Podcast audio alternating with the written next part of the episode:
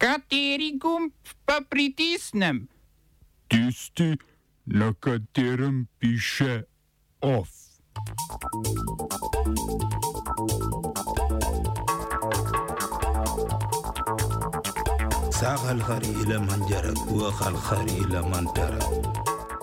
Nizozemsko sodišče naložilo zmanjšanje emisij naftnemu gigantu Shell.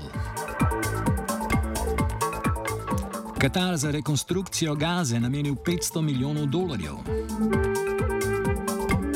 Kitajska in Amerika sklenili nov tržni sporazum. Tudi letos turistični boni. V kulturnih novicah dve leti so teske, tri leta triggerja in kar pet let dobre vage.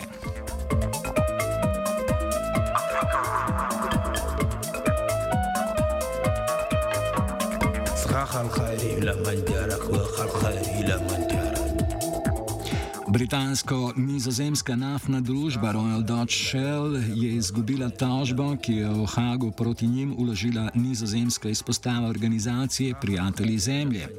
Shellu, ki je tretja največja naftna družba na svetu, je sodišče naložilo, da mora do leta 2030 zmanjšati izpuste toplogrednih plinov za 45 odstotkov in sicer glede na leto 2019. Enako velja tudi za njihove dobavitelje.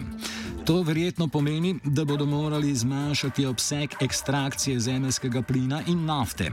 Pravna podlaga za odločitev sodišča je doseganje resolucij iz Pariškega sporazuma, ki želi segrevanje planeta omejiti na 1,5 stopinje Celzija. Svetovni sporazum tako velja tudi za korporacije, ki so se mu dosedaj izmikale. Do sedaj je Shell v razvoj obnovljivih virov vložil le 4 odstotke prihodkov. Odločitev je še posebej pomembna zato, ker omogoča podobne tožbe drugih velikih onesnaževalcev, več pove predsednica in strokovna vodja društva Focus Živa Kavka Gobo. Ja, v bistvu podlaga za to tožbo sta bile dve stvari. Eno seveda je pariški dogovor, drugo pa je sodni postopek, ki ga imenujemo Urgenda. To je bilo v 2019, mislim, da je prišla odločitev, kjer so bili uh, ljudje, tisti, ki so tožniki, državljani nizozemske in so zahtevali uh, od države kot take, da sprejme bolj ambiciozne podnebne politike. Takrat je v bistvu odločilo sodišče, da ja, da država mora sprejeti bolj ambiciozne podnebne politike, da zavaruje predvsem življenja v prihodnosti. In to je tudi podlaga, ki je služila za nadaljevanje v smeri tožb tož proti šelu kot podjetji. Ena izmed podlag je bila tudi tožba proti šelu, ker so se zahtevale uh, zahtevala pravice za tiste, ki so bili ogroženi že in ki so že utrpeli posledice drugot zaradi operacij šela kot takega. In so v bistvu to dve tožbe, ki sta služili kot podlaga in tudi so dali nekako moč in prepričanje, da lahko zahtevamo tudi od podjetij na sodiščih, da omejijo svoje emisije ne samo v državi, kjer delujejo, ampak v celotni dobavni verigi. Tako da to sta dve, to, dve tožbe, ki sta bili uspešni in sta služili kot podlaga tej odločitvi. Tržna predstavnica ZDA Catherine Tai in kitajski premijer Liu He sta se na današnjem srečanju pogovarjala o prihodnosti tržnih odnosov med vele silami. Ker Kitajska v dogovorih iz prejšnjih let ni uspela odkupiti vnaprej dogovorjenih količin ameriških izdelkov, se je Peking zauzel, da bo do konca tega leta zvišal uvoz iz ZDA za 160 milijard evrov. Na drugi strani pa ameriški predsednik Joe Biden ne popušča v trgovinsko politiko svojega predhodnika Donalda Trumpa, se bo predvsem z namenom blaženja posledic epidemije na domačo ekonomijo še naprej ohranjal obstoječe carine na kitajske izdelke. Bidenov oster nastop do uspenjajoči se vele sile se kaže tudi na primeru predsednikovega navodila ameriškim varnostnim službam, naj ponovno zaženejo preiskovanje izvorov koronavirusne epidemije. Te bodo ponovno preiskali v Pardon, te bodo ponovno preiskali tudi domnevo, da se je ta pričela z rešitvijo virusa iz Wuhanskega laboratorija, kar zagovarja vsaj ena, čeprav neimenovana, ameriška obveščevalna služba.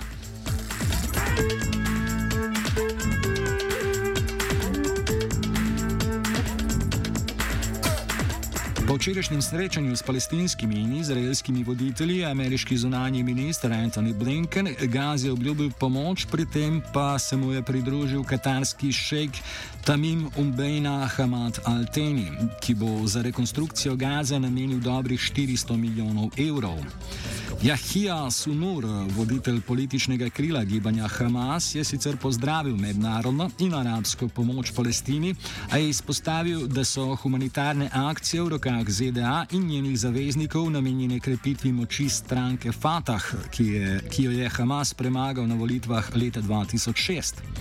Fatah kot največjo in najmočnejšo stranko palestinskega osvobodilnega gibanja po sporazumih v Oslu leta 1993 in 1995 zakonodaja Združenih narodov priznava za edinega legitimnega upravljavca na območjih Gaze in Zahodnega brega.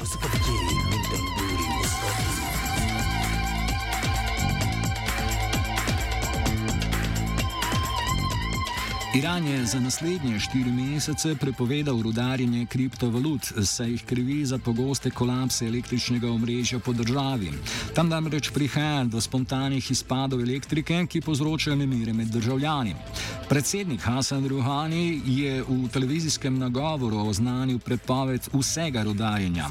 Do tega naj bi po njegovem mnenju prišlo, ker dan danes rudari že skoraj vsak iranski državljan. Rudarjenje namreč porabi veliko elektrike elektrike, saj močni računalniki med sabo tekmujejo za potrditev transakcij v zameno za žetone.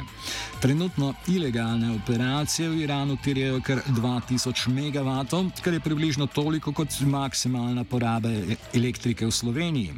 Vodja digitalnega komiteja iranskega parlamenta, poslanec Motaba Tavangar, pa se z rohanjem ne strinja. Meni namreč, da elektrika, porabljena za rudarjenje, porabi le en odstotek električne energije.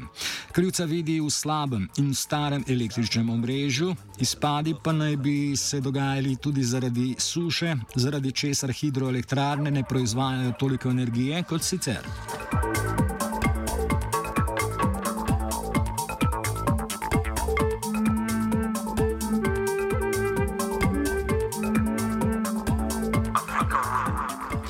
Začasni predsednik Malija Bahrndao in premijer Mokhtar Owane sta v dveh dneh po pridržanju strani vojske pod taktirko podpredsednika Ansima Goita odstopila. Državni dar so obsodili Združeni narodi, Afriška unija, Evropska unija in ZDA, ki so pozvali k takošnji izpustitvi pridržanih, druge mednarodne sile in sosedne države Malija pa so opozorile, da bi lahko politična kriza še bolj destabilizirala območje, se je malijska hunta v preteklosti oboroževala radikalne islamistične skupine, kot sta Islamska država in Al-Kaida. Ndav in Guita sta državno oblast lansko leto avgusta prevzela preko puča, s katerim sta strmoglavila vlado Ibrahima Bobukareja Keite.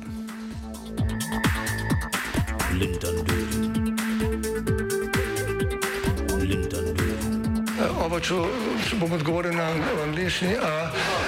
Slovenija will try to help.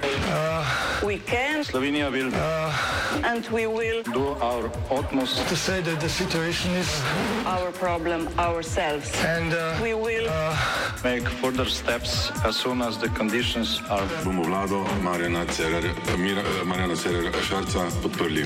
Very, very serious. From Slovenia. We know how and we will. Vlada je na današnji seji sklenila razveljaviti postopek izbire in imenovanja kandidatov za evropska delegirana toživca Mateja Oštirja in Tanjo Frank Ehler ter postopek ponoviti. Ministrica za pravosodje Liljana Kozlovič je zato odstopila. Po njenem mnenju je vladni sklep strokovno neutemeljen, saj citiramo, je bil postopek strani Ministrstva za pravosodje izpeljan zakonito in v skladu z nacionalno zakonodajo in uredbo Sveta Evropske unije. Konec citata mandata. Zdravko Počivalšek, podpredsednik vlade in predsednik SMC-ja, iz katerega prihaja tudi zdaj že nekdanja pravosodna ministrica, je povedal, da je vladno dejanje premik iz mrtve točke in da je postopek izbire potekal pod medijskim, izjemnim medijskim pritiskom in pod pritiskom nekaterih posameznikov iz evropske ravni, kar smatra za nesprejemljivo vmešavanje v notranje zadeve Slovenije.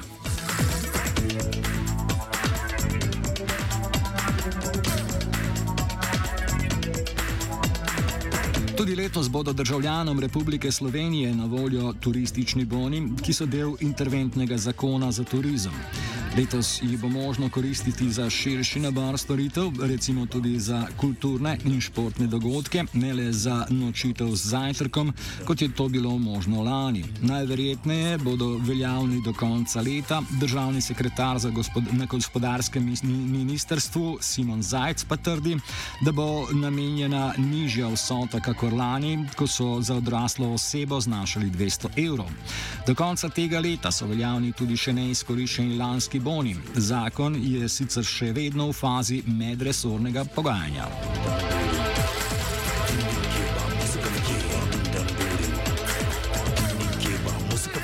Ovsta spisala Lucija in Vanec Matej.